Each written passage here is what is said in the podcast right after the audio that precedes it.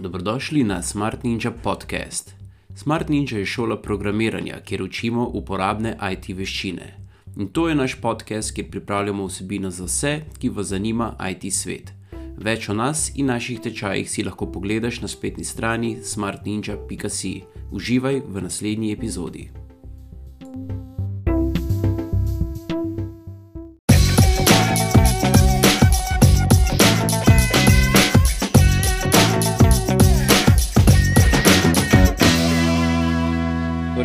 Smart Ninji smo že konkretno zajadrali v vode intervjujev in podcastov. Danes je z mano Miha Medven, programer, ki je dobro poznan v slovenskih developerskih krogih. Živijo, Miha. Živijo, Miha, tudi tebi. Živijo. Torej, prvo vprašanje bi bilo na kratko, kdo si, kako bi se opisal? Uh, v resnici imam zelo velike probleme odgovarjati na taka vprašanja, zato ker uh, se odgovor vedno prilagodi uh, tistemu, ki me to sprašuje. Da, če, sem, če se pogovarjam z UX-erji, pravim, da sem programer, če se pogovarjam s programerji, pravim, da sem UX-er, če se pogovarjam z menedžerji, govorim, da sem product manager. Uh, v resnici sem pa v bistvu oseba, ki proba narediti vse, kar se da, ali vse, kar lahko. Da v bistvu se nek produkt, projekt ali pa neka storitev izvede, pa naj bo to od programiranja do ne na zadnje, tudi do kopija, treba kdaj izpisati. Um, tako da sem nek tak multipraktik, um, ki se v resnici ne identificira z nobeno od teh, bomo rekel, uh, sren. Nisem programer, nisem UX-er, um, čeprav te vse zadeve delam. Tako da um, v bistvu ta moja identiteta, pa kaj sem, pa kdo sem, je čisto odvisno od, od dneva, od tedna, s kom delam, kaj delam. Um, tako da večino časa se v bistvu probujem ukvarjati s tem, da karkoli je treba narediti, se naredi. Um, s tem, da zadnje čase se večinoma uh, ukvarjam predvsem z, z vodenjem ali nekega tehničnega razvoja, to je neki CTO ali pa product manager pa v bistvu nekako povezati uh, programerje in biznis developerje med sabo. No. Tako, tako, tako se jaz bolj poistovetim kot karkoli drugega. No. Uh mhm. -huh. Super, ajde za voljo tega intervjuja bomo rekli, da si programer. Da sem programer. Tudi programer. Ja, v resnici uh. sem programer. Ne. Sam polka za en, enkrat začneš delati, ker se v bistvu bolj vklopim v UX-ersko. Čeprav znam programirati in tudi uh, pri večini projektov, ki sem zraven, sem uh, v vlogi programerja. Ampak, um, če se to, to bo, recimo, Smart Ninja ima večino občinstva, programerjev ne, in hočem, da se v bistvu začnemo tudi malo pogovarjati, da ti delaš neke zadeve, je v bistvu programiranje samo en tak, bom rekel, zelo pomemben del, ampak zelo majhen del uh, celotnega razvoja, kjer so še ostali deležniki, kot oblikovalci ali pa uh, tekstopisci ali pa sploh project manageri enako pomembni, oziroma v nekaterih primerjih še bolj pomembni. Mm -hmm. Se, se mi zdi, da pri tebi je ta širina prehaja od tega, kaj si tudi prej delal. Ne? Tako da mogoče bi pa tudi vprašal, kako si pa sploh začel z programiranjem. Kako sem začel s programiranjem? Okay, uh, bil sem star 25 let, igral sem Dungeons and Dragons, to so te namizne igre. In tam imaš en list papirja, kjer pišejo v bistvu podatke o tvojem karakterju. No, in ko smo igrali s kolegi, sem jaz ta list papirja skozi doma pozabil, nikoli pa nisem pozabil telefona. Ne? In sem se odločil, kaj če jaz naredim mobilno aplikacijo ki bo imela podatke o mojem karakterju. Pa sem se začel učiti najprej Javo, pa je bilo v bistvu tri mesece, pa štiri mesece, po vem, 80 ur na dan sem se učil samo Javo, pa sem se naučil Android. Tako da ene šest mesecev ali pa devet mesecev kasneje, pri 25-ih, sem imel prvo mobilno aplikacijo. Uh, pa sem pa začel hoditi na neke hekatone, uh, neka kolegica mi je zrihtala uh, neko, neko službo oziroma delo na projektu, kjer bi se pač dodatno učil programirati. Začel sem se ukvarjati s startupi in v bistvu prek nekega freelancanja, pa, pa lastnih projektov sem se pač naučil, poleg Androida, pa še frontend, pa backend, pa PHP, pa pol TypeScript. Pa pol smo še nekaj delali, neke igrice, pa sem se začel še C-Sharp, pa Unity, pa tako naprej. Tako da pol, v bistvu, pol, enkrat ugotoviš, kako programiranje deluje, oziroma, ko se enkrat naučiš enega jezika, je zelo enostavno v bistvu dodajati druge jezike. Um, v resnici sem se pa zelo pozno začel učiti. Ne. Zdaj sem 32, tako da imam mogoče ene pet let pravih programerskih ali pa sploh nekih tehničnih izkušenj. Um, ker v preteklosti sem pa bolj delal kot, um, bom rekel, projektni vodja oziroma UX oblikovalec, res wireframe, delu uh, user teste in tako naprej. Uh, tudi uh, študiral sem komunikologijo, ne, kar pomeni, da sem šel bolj v te nekakšne PR vode uh, in sem v bistvu z tega nekaj netehničnega uh, sveta prišel v, tehnično, v to tehnično sfero in sem se pač zelo pozno naučil programirati. Um, ampak zgleda je šlo in, in zdaj le v bistvu ja, že delam šesto leto kot freelancer. Um, pa zadnje dve, tri leta sem zelo aktivno bolj na teh vodstvenih položajih, potem vodil ekipe, uh, vodil tehnični razvoj in tako naprej. Uh mhm. -huh. Ja, zanimivo. Kaj, si še vedno freelancer, ali si zdaj full-time v startupu? Uh, še vedno sem v resnici uh, freelancer, še vedno imam neke, neke uh, projekte, ampak zdaj sem že zadnje leto, torej prejšnjo soboto, ja, je bilo eno leto, ko sem začel z, uh, sodelovati z Briftom, uh, kjer sem tudi v bistvu co-founder. Um, tako da tam mi gre večino časa, pa tudi večino motivacije, ampak v resnici še vedno uh, probam freelancati. Uh, predvsem me zanimajo te izobraževanja, ker imam tudi neke, neke delavnice, ki izvajam, uh, meetupe in tako naprej.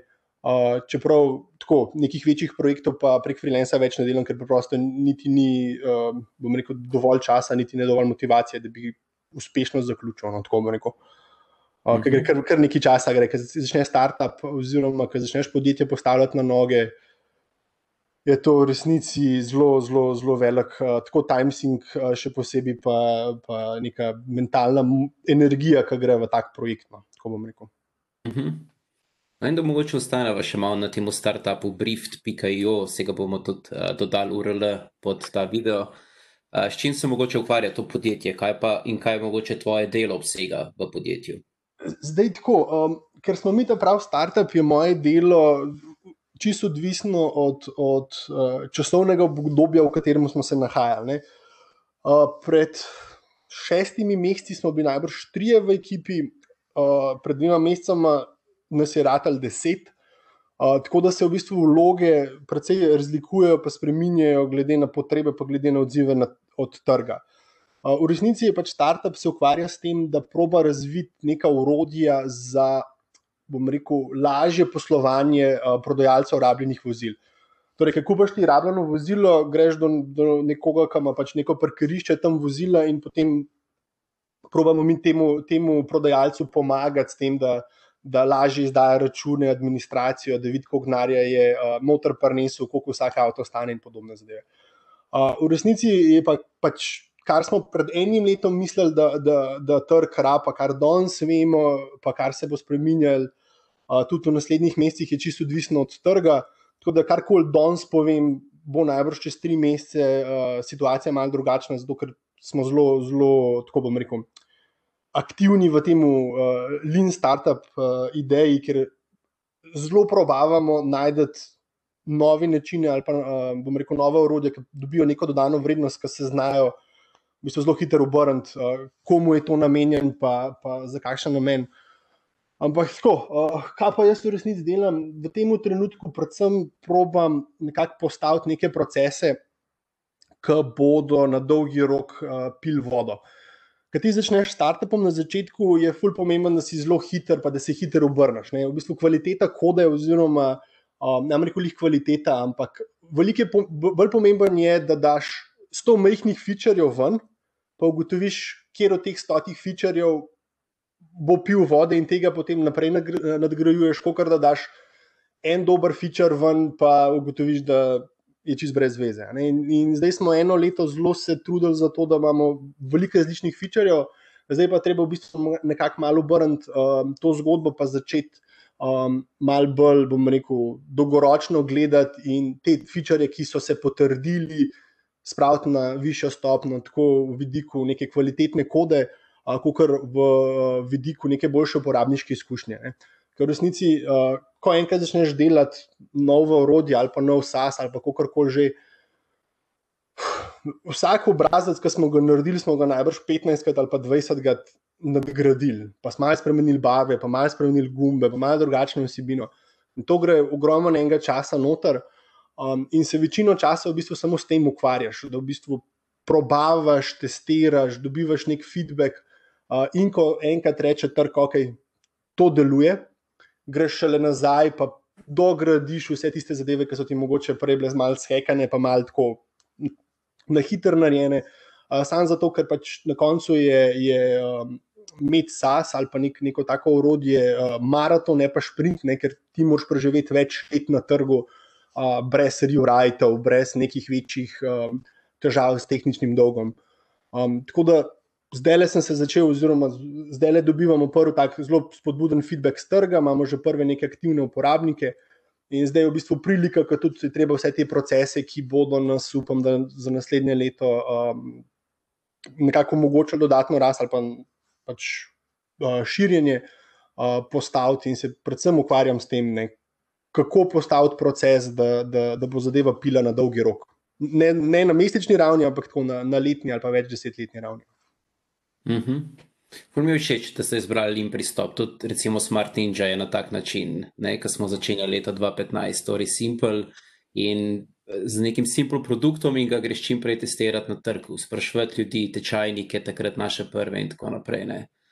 Uh, čisto, ko me pa zanima razmerje, kako pa da ste se odločili to avtomobilsko industrijo ali pa ta prodaja avtomobilov. Zdaj, v, v resnici, uh, jaz nikoli nisem dal nobene teže na, na področje, kjer delam ali pa kar delam. Jaz v resnici nimam pojma o avtomobilih, me ne zanimajo.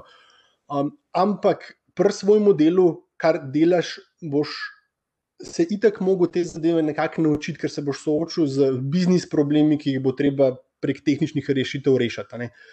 Tako da v, v, v resnici jaz sem delal od avto, zdaj, zdaj v avtoindustriji, delal, delal sem tudi neki uh, v, v medicini, neki v AI, uh, v kulturi ogromen. Tako da na koncu meni osebno, kaj delam, mi je popolnoma vse, ker mi je samo pomemben uh, ta pristop, pa ekipa.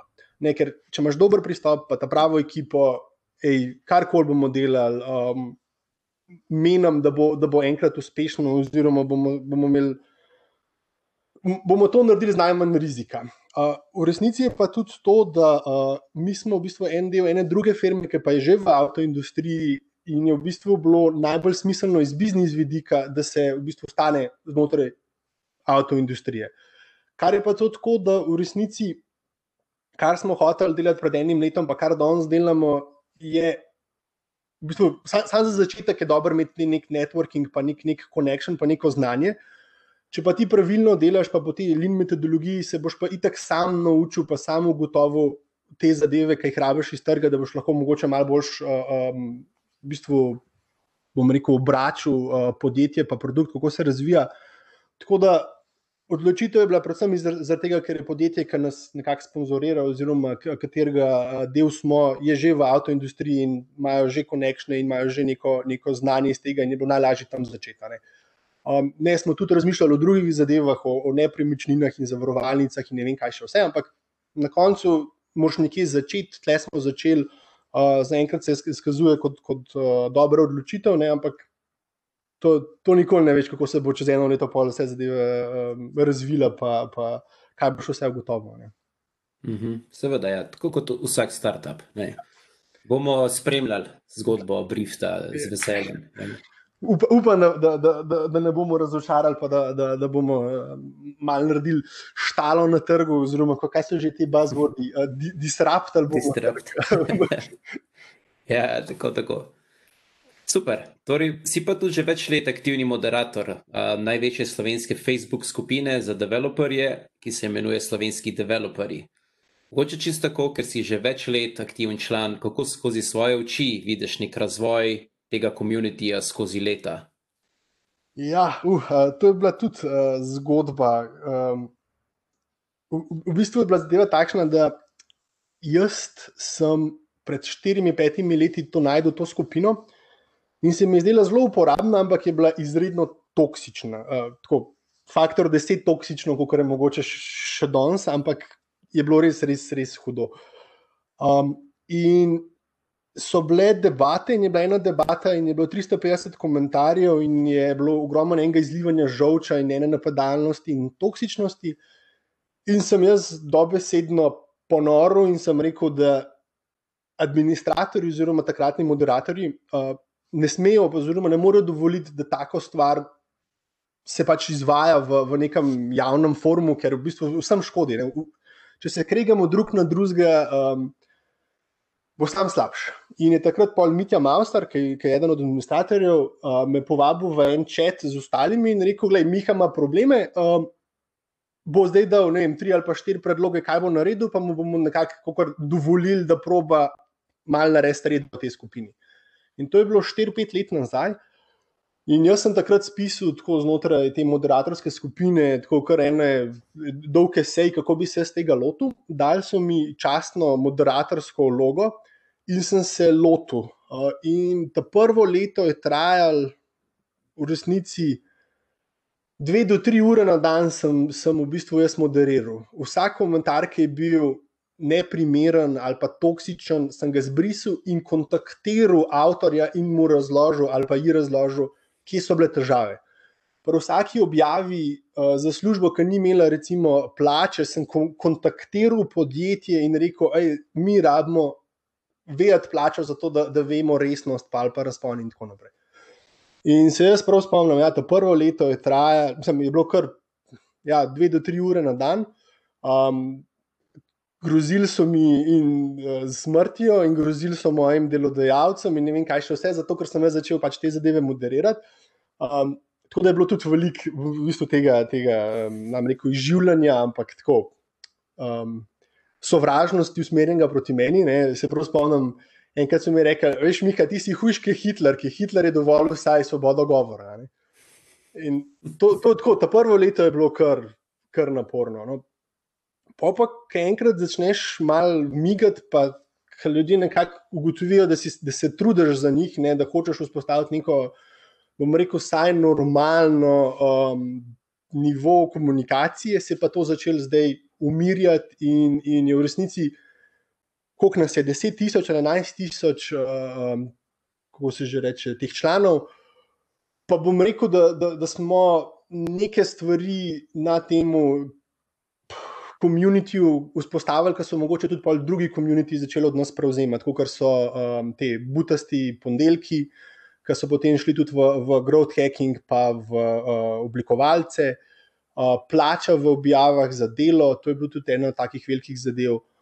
Um, v resnici so bile tudi še ogromno enih drugih projektov, ki pa v bistvu ni, ni ugledala luč sveta, kot um, nek samostojen portal za, za skupnost, uh, subreddit neke bolj aktivne, bom rekel, vsebine, kjer bi si probali med sabo bolj pomagati. Sam je na koncu tako, da skupnost je tako dobra, kot pač vlagajo člani v neko vsebino ali pa skrb za to skupnost. Ne, to je kot nek vrt, če ga ne, če ga ne obdeluješ, bo pač zanikaren. Uh, in v resnici je tako, da gre to kar nekaj časa noter. Um, K pa v bistvu ob tem, da sem dobil otroka, pa da sem začel startupom, kar nekaj začne zmanjkvati tega časa in se bo potem pol to nekako postavila na nek um, stranski tir. Ne.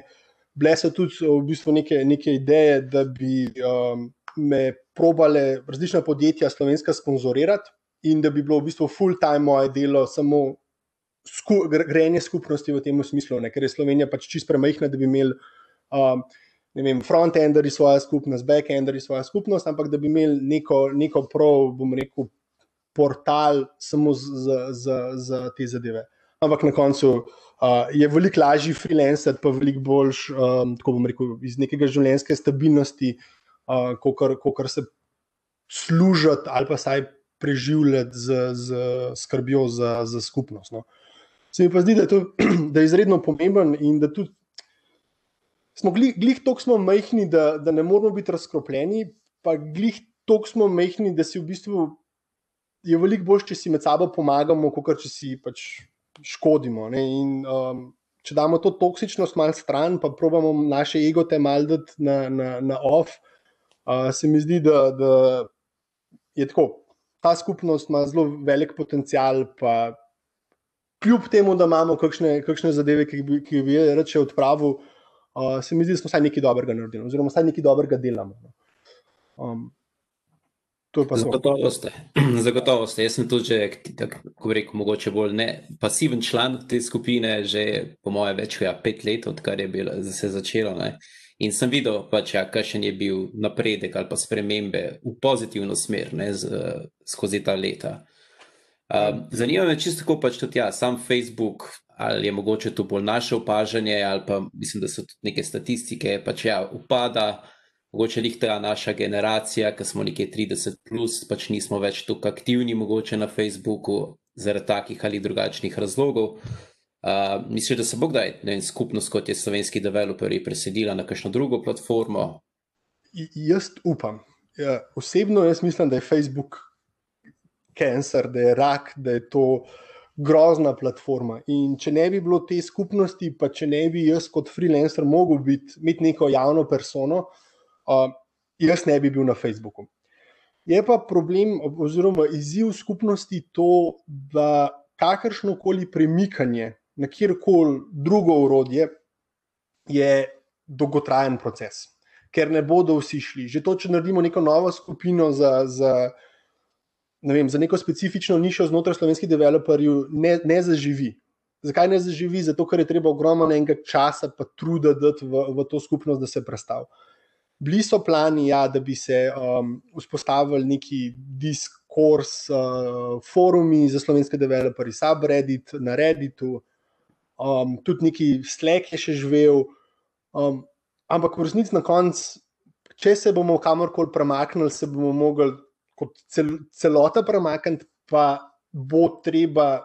Ti content creatorji, ki v bistvu, ki v bistvu zdaj ustvarjajo neko vsebino na, na Facebooku, oni bodo mogli v resnici iti na, ta, na to novo platformo, ker drugače bomo samo skupnost razbili na manjše dele in bo, in bo slabše. Ne. Tako da jaz, zaradi mene, če bi bili kjerkoli drugje ikraza na Facebooku, bi bil osebno fulbol srečen.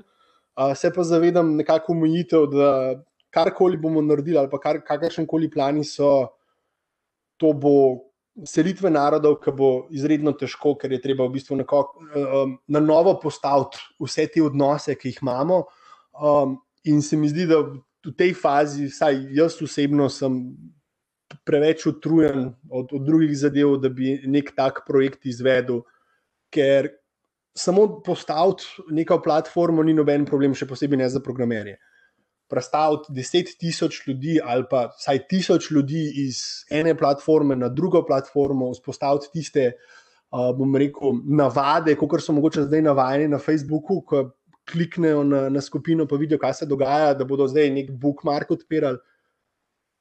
Uh, upam, da bo, da bo ta trenutek, ko bomo selili čim prej, ampak Facebook ima tak locking glede tega, da. da bo, bo težko. No. Eh, so bili pa plani te, te, te selitve narediti, ampak, kot sem rekel, ne, 10 tisoč ljudi, od tega jih je kar veliko število aktivnih. Um, Nekaj bo treba narediti, se tleči strinjam in s tabo, in, in najbrž tudi za statistiko, ne quit Facebook, uh, ampak je veliko težje narediti, kot rečem. Mm -hmm. Ja, zagotovo, zagotovo. V skupini, oziroma preko skupine slovenskih developerjev, pa tudi vsako leto izvedeš veliko anketo plač slovenskih developerjev. Uh, mislim, da je zdaj bila že tretje leto in tudi mi, pri Smart Inžiju, z veseljem spremljamo vsako leto in tudi delimo po vseh naših kanalih. Vsi naši tečajniki eh, radi preberejo o statistiki in o plačah, in tako naprej. Mogoče na začetku vprašanje, kako ste sploh prišli na idejo za takšno anketo? V bistvu ta anketa, začetek sploh ni, ni moj. Uh, ta prva anketa, ki sem jo zaznal, to je bilo pred štirimi leti, jo je naslov Tehu objavil Jrnej, uh, Virak, upam, da sem pravilno uh, njegov primek izgovoril. On je v resnici imel plače v IT sektorju. In sem jaz tisti videl in sem rekel, da je tukaj veliko potencijala. Um, ampak kot FDV sem, sem pa tudi videl, da oh, so pa tudi neke pomankljivosti, ki bi jih mogoče na mal drugačen način lahko odpravil. Ne? In sem naredil takrat, pred, ja, pred tremi leti, Google Forum anketo, da tudi Jrnej v bistvu za feedback, da mi je povedal, kaj je on ugotavljal, pa kje so bili njegove pomankljivosti. Um, in sva pač takrat naredili to anketo, oziroma on mi je kar pomagal, no, v resnici. Uh, in sem jo dal ven, to prvo leto je bilo 900 odgovorov, nekaj tasga. Uh, ogromen feedback sem dobil in od delodajalcev, da so dobili neke, bom rekel, razporeditve, ki jih lahko oni uporabljajo pri HR-ju, uh, kot tudi od kandidatov, da so lahko ugotovili, kje se znotraj nahajajo. Tako da zdaj zadnji dve leti imamo okoli 1300 uh, uh, odgovorov vsako leto, kar jaz mislim, je, da smo počasi zadeli v koliko je sploh aktivnih developerjev v Sloveniji, jih je najbrž nekaj čez 1500 ali pa 2000, kaj več pa najbrž ne. ne. Um, kar pomeni, da, da v bistvu bom rekel, da vsako leto. Vsaj v eni majhni meri probujemo dobiti neko trip uh, tega uh, foha ali pa tega poklica znotraj uh, slovenske sfere. In vsako leto se nekaj, nekaj novega pač naučimo, oziroma jaz se nekaj novega naučim in ugotovim. Uh, večino stvari, ki pa so problematične, so pa samo zaradi tega, ker so plače oziroma prihodek po eni strani tabu tema, po drugi strani pa izredno nerazumljena tema. Ker ljudje ne razlikujejo med bruto in neto. Uh, ljudje bi tudi radi dali vem, svoje dividende noter kot nek prihodek in ne vem, kaj še vse. In je v resnici ful težko preučevati en tak fenomen, kot je plača, ker noben v resnici ne razume, kaj plača v resnici je. Ali so tu tudi noter stroški, pa prevoz, ali to je to, kar dobim na račun. In se v bistvu vsak, vsak let se v bistvu obadam s tem, da probam nekako umiliti. Um, rezultate ankete v to, da je to, uh, bom rekel, en prerez ali pa nek snapshot uh, stanja, ki je v resnici popolnoma zbrkljan v glavah ljudi. In tudi potem, ko jih sprašuješ, kakšno plačo imaš, eni bodo rekli bruto, pa eni bodo rekli neto. Ne? In um, v, v resnici mi je všeč ta anketa, ker pač se začnemo o teh zadevah pogovarjati. V resnici imamo pa fulj velike težave, ker bi rabili imeti prav uh, bom rekel, tutoriale o tem, kako sploh je plača zgrajena.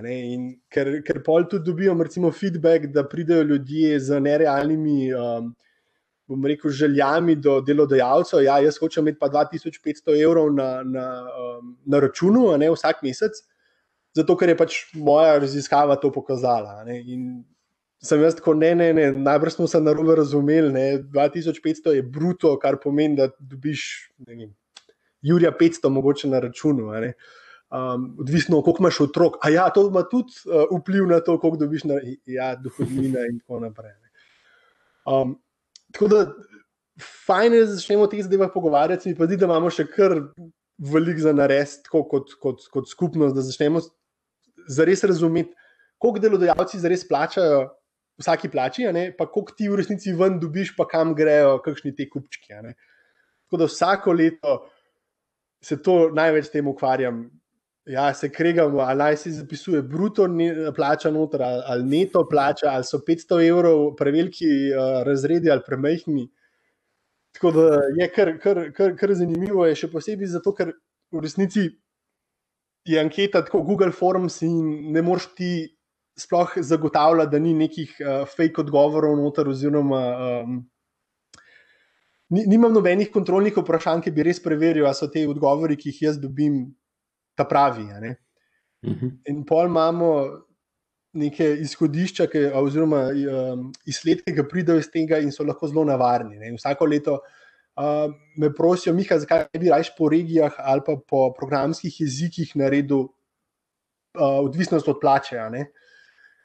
In ko greš gledati, ugotoviš, da je recimo v prekmorski regiji samo 20 odgovorov.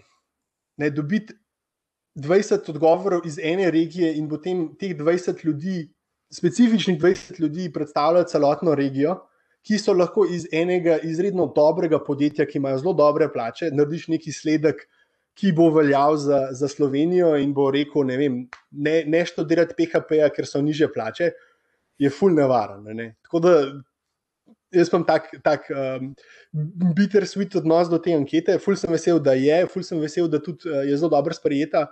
Se pa vsako leto ful trudim, da, da, da probamo ne tega vzeti kot nekaj zapisano v kamen, zato ker na koncu imam jaz probleme, ker me delodajalci kregajo, ne, zakaj, ni, zakaj ljudje ne vejo razlike med bruto in med neto. Recimo, pol, pol, um, je ogromno enih takih stvari, ki uh, jih mogoče v rezultatih anketeh glih ne vidiš, če jo pa delaš, pa če jo že delaš tri leta, pa ugotavljaš, da v bistvu ta rezultat nič ne pomeni, če tisti, ki bere rezultat, ne razume koncepta plač, pa bruto, bruto, pa bruto, neto. Ne? In v resnici smo se tudi nekaj pogovarjali, da bi delali neke tutoriale. Uh, kako, kako prebrati svoj plačilni listek na koncu meseca, ko dobiš plačo. Ker jaz mislim, da večina ljudi, še posebej programerjev, ne pozna ne, stroškov svoje plače, niti bruto, bruto, niti neto, bruto, kaj še vse ostalo.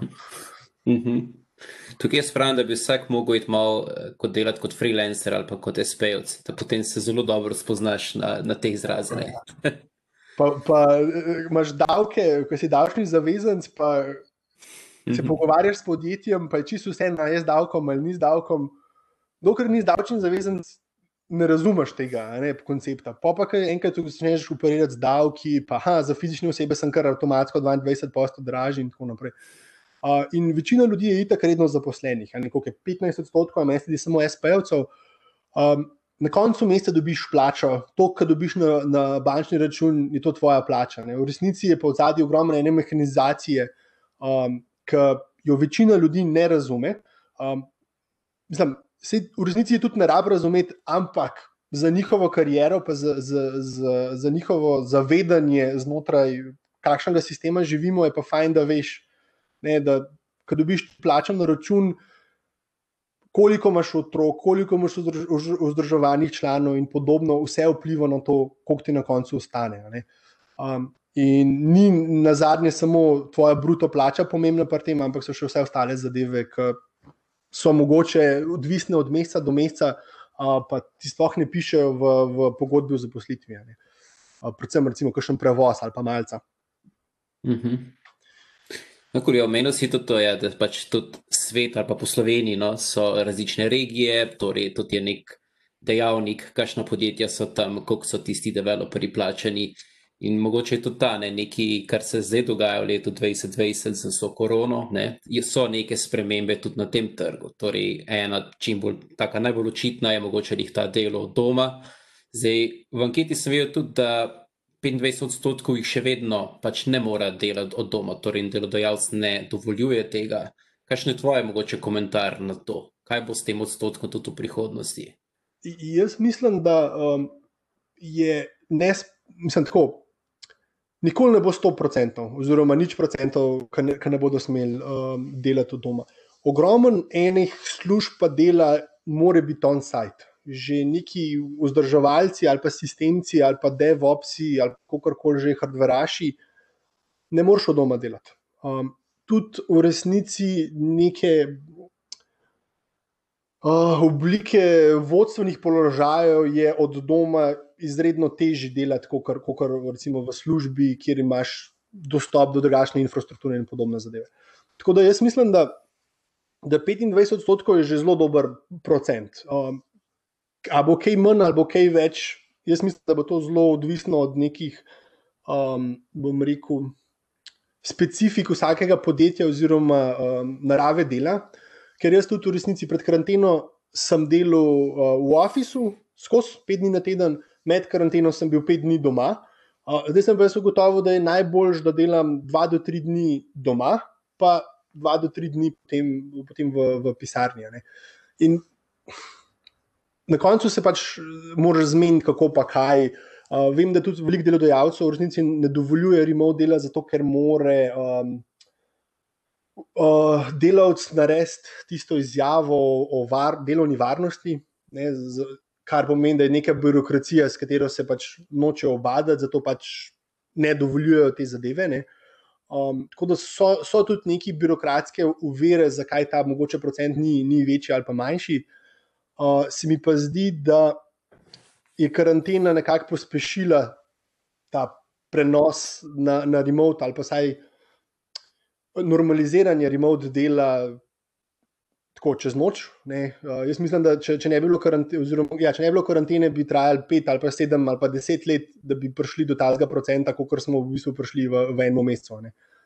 Uh, se mi pa zdi, da tudi veliko ljudi, jaz sem tudi eden izmed njih, um, ne ugotavlja, da pač remote je full fine za nekatere zadeve, za nekatere stvari pa tudi ni. Ne. In če sem bil jaz prej full, ja, ja gremo remote, remote je najboljši, sem mogoče danes tako. Ja, dej, gremo, gremo najprej premisliti, kje zadeve bi bilo, je fajn imeti na remote, pa katere zadeve uh, je boljš imeti od doma, nisem ne od doma, iz pisarne.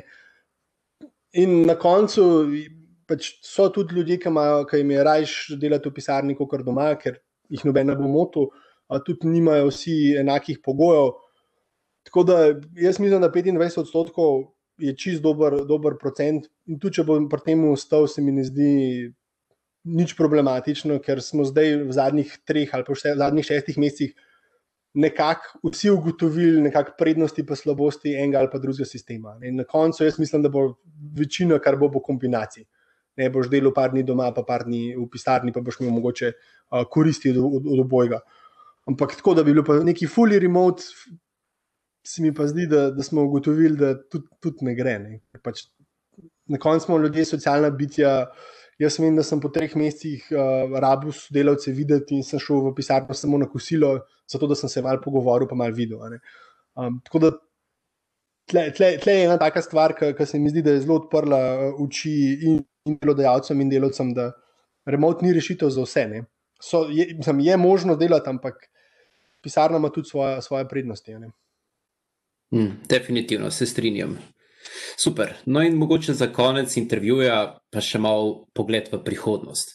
Torej, zanima me tebe kot programer ali pa že tu časa, ko si v tem IT svetu. Uh, kako bi ti mogoče vidiš svet čez deset let? Mogoče ne le tvoja služba, pa to, ampak čisto splošno. Bomo živeli že na Marsu, se bomo vsi vozili z električnimi avtomobili. Kaj še misliš, da bo svet čez deset let? Jaz mislim, da, da tako, kakšnih blazno velikih razlik v, v resnici ne bo. Oziroma, rekel, tehnologija bo šla itak še deset korakov naprej, ne bomo imeli najbrž samo vozeče vozila, um, VR bo mogoče bolj razširjen, um, nove urodja se bodo vzpostavljala, ki nam bodo olajšale nekatere zadeve. Ne. Uh, bom rekel, samo programiranje ali pa sam naš poklic, pa ne bo v bistvu drastično spremenil, samo drugačne težave bomo reševali. Zdaj tudi imamo ta kaj že machine learning za pisanje kode in ne vem, kaj še vse. Ne.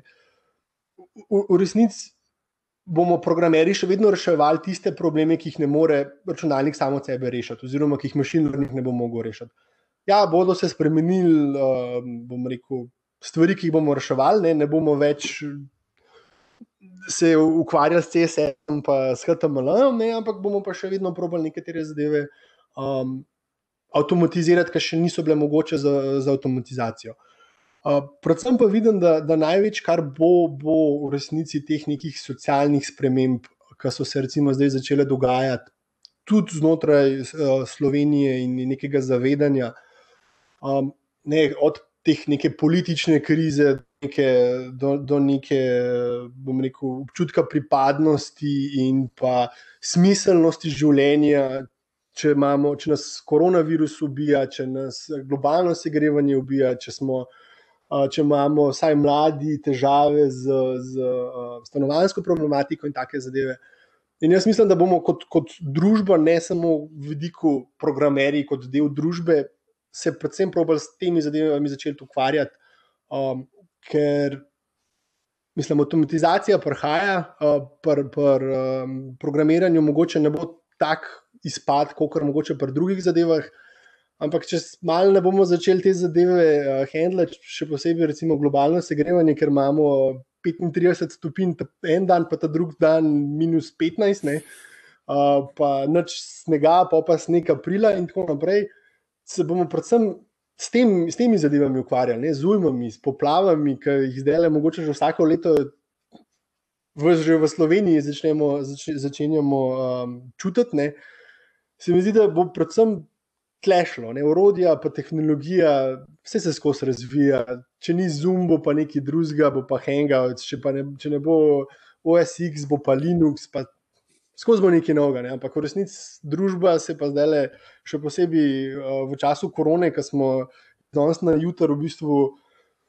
Ne, se je začel ukvarjati in z maskami, in z nekimi zadevami, ki nikoli prej nismo razmišljali, ne, kaj šele, ko pride mogoče kakšne bolj uh, ja, vremenski, vremenske spremembe, ali pa bog ne da te gener, generacijski problemi in, in um, upokojevanje baby boom generacije. Ne. Tako da tle jaz mislim, da se bomo v, v naslednjih desetih letih večinoma ukvarjali. Stack Overflow bo še vedno živel, slovenski developerji bodo najbrž v eni taki ali pa drugačni obliki še vedno živeli, meetupi bodo še vedno živeli. Um, kako se bomo mi kot ljudje počutili, pa kaj bomo delali, se mi pa zdi, da bomo imeli kar širju pred, pred sabo, da bomo ugotovili, kaj, kaj je najboljš za, za neko kolektivno dobro ali pa skupnost. No. Mm -hmm. Torej, misliš, da bodo slovenski developerji na TikToku čez deset let?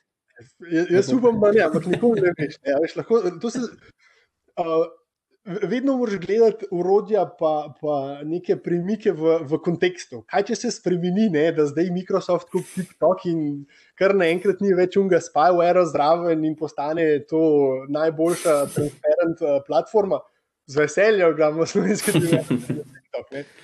V tem trenutku ne, ne. Ampak, uh, nikoli ne veš. Ne. Uh, yeah. recimo, Microsoft, kako je pred desetimi leti uh, um, bila podoba Microsofta, pa kaj je danes. Ko, ko se je GitHub prodal Microsoftu, smo bili tako, ok, se to ni neki bed. Ne? Pred desetimi leti bi bila ta nakup pač propad celotnega sistema. Um, mm -hmm. Bomo videli, kaj se bo vse dogajalo. Ampak uh, te spremembe, to, to, to mene predvsem uh, uh, vedno zanima, ne, ker uh, nič ni statično. Ne. Kar, kar danes delamo, uh, je v bistvu samo en taki sek iz časa. Ne. Recimo, to, kar je danes Facebook, ni to, kar je bil Facebook pred desetimi leti. In kaj bo čez deset let, tudi ne vemo. In meni je samo pomembno, da se skozi nekako sprašujemo, je še vedno smiselno, da, da ustrajamo na nekaterih zadevah, ki so mogoče pile vodo pred neki leti, uh, pa ne pijejo več vode danes. Um, tako da mogoče bomo na TikToku. Ja. Ok, no pa še zadnje vprašanje, pa v tebi, mogoče kje pa sebe vidiš čez deset let. E, to pa ne vem. Jaz pred desetimi leti sem delal v javni upravi za 200 evrov na mesec um, in sem risal wireframe, zdaj vodim neko tehnični razvoj enega, enega startupa, pa, je, pa imam programerje, publikovalce, pa ne vem, s kom še vse sodelujemo. Um, kaj bo čez deset let, nimam pojma. Lahko da bom mizar, po prvič povedan. Um, na koncu uh, upam, da bom, da bom, na, glih, mislim, da bom zadovoljen. Pač neko, neko odločitev sprejmeš, včasih so pozitivne, včasih je negativne, ampak na koncu dneva moraš biti zadovoljen. Če bom zadovoljen, bom vesel.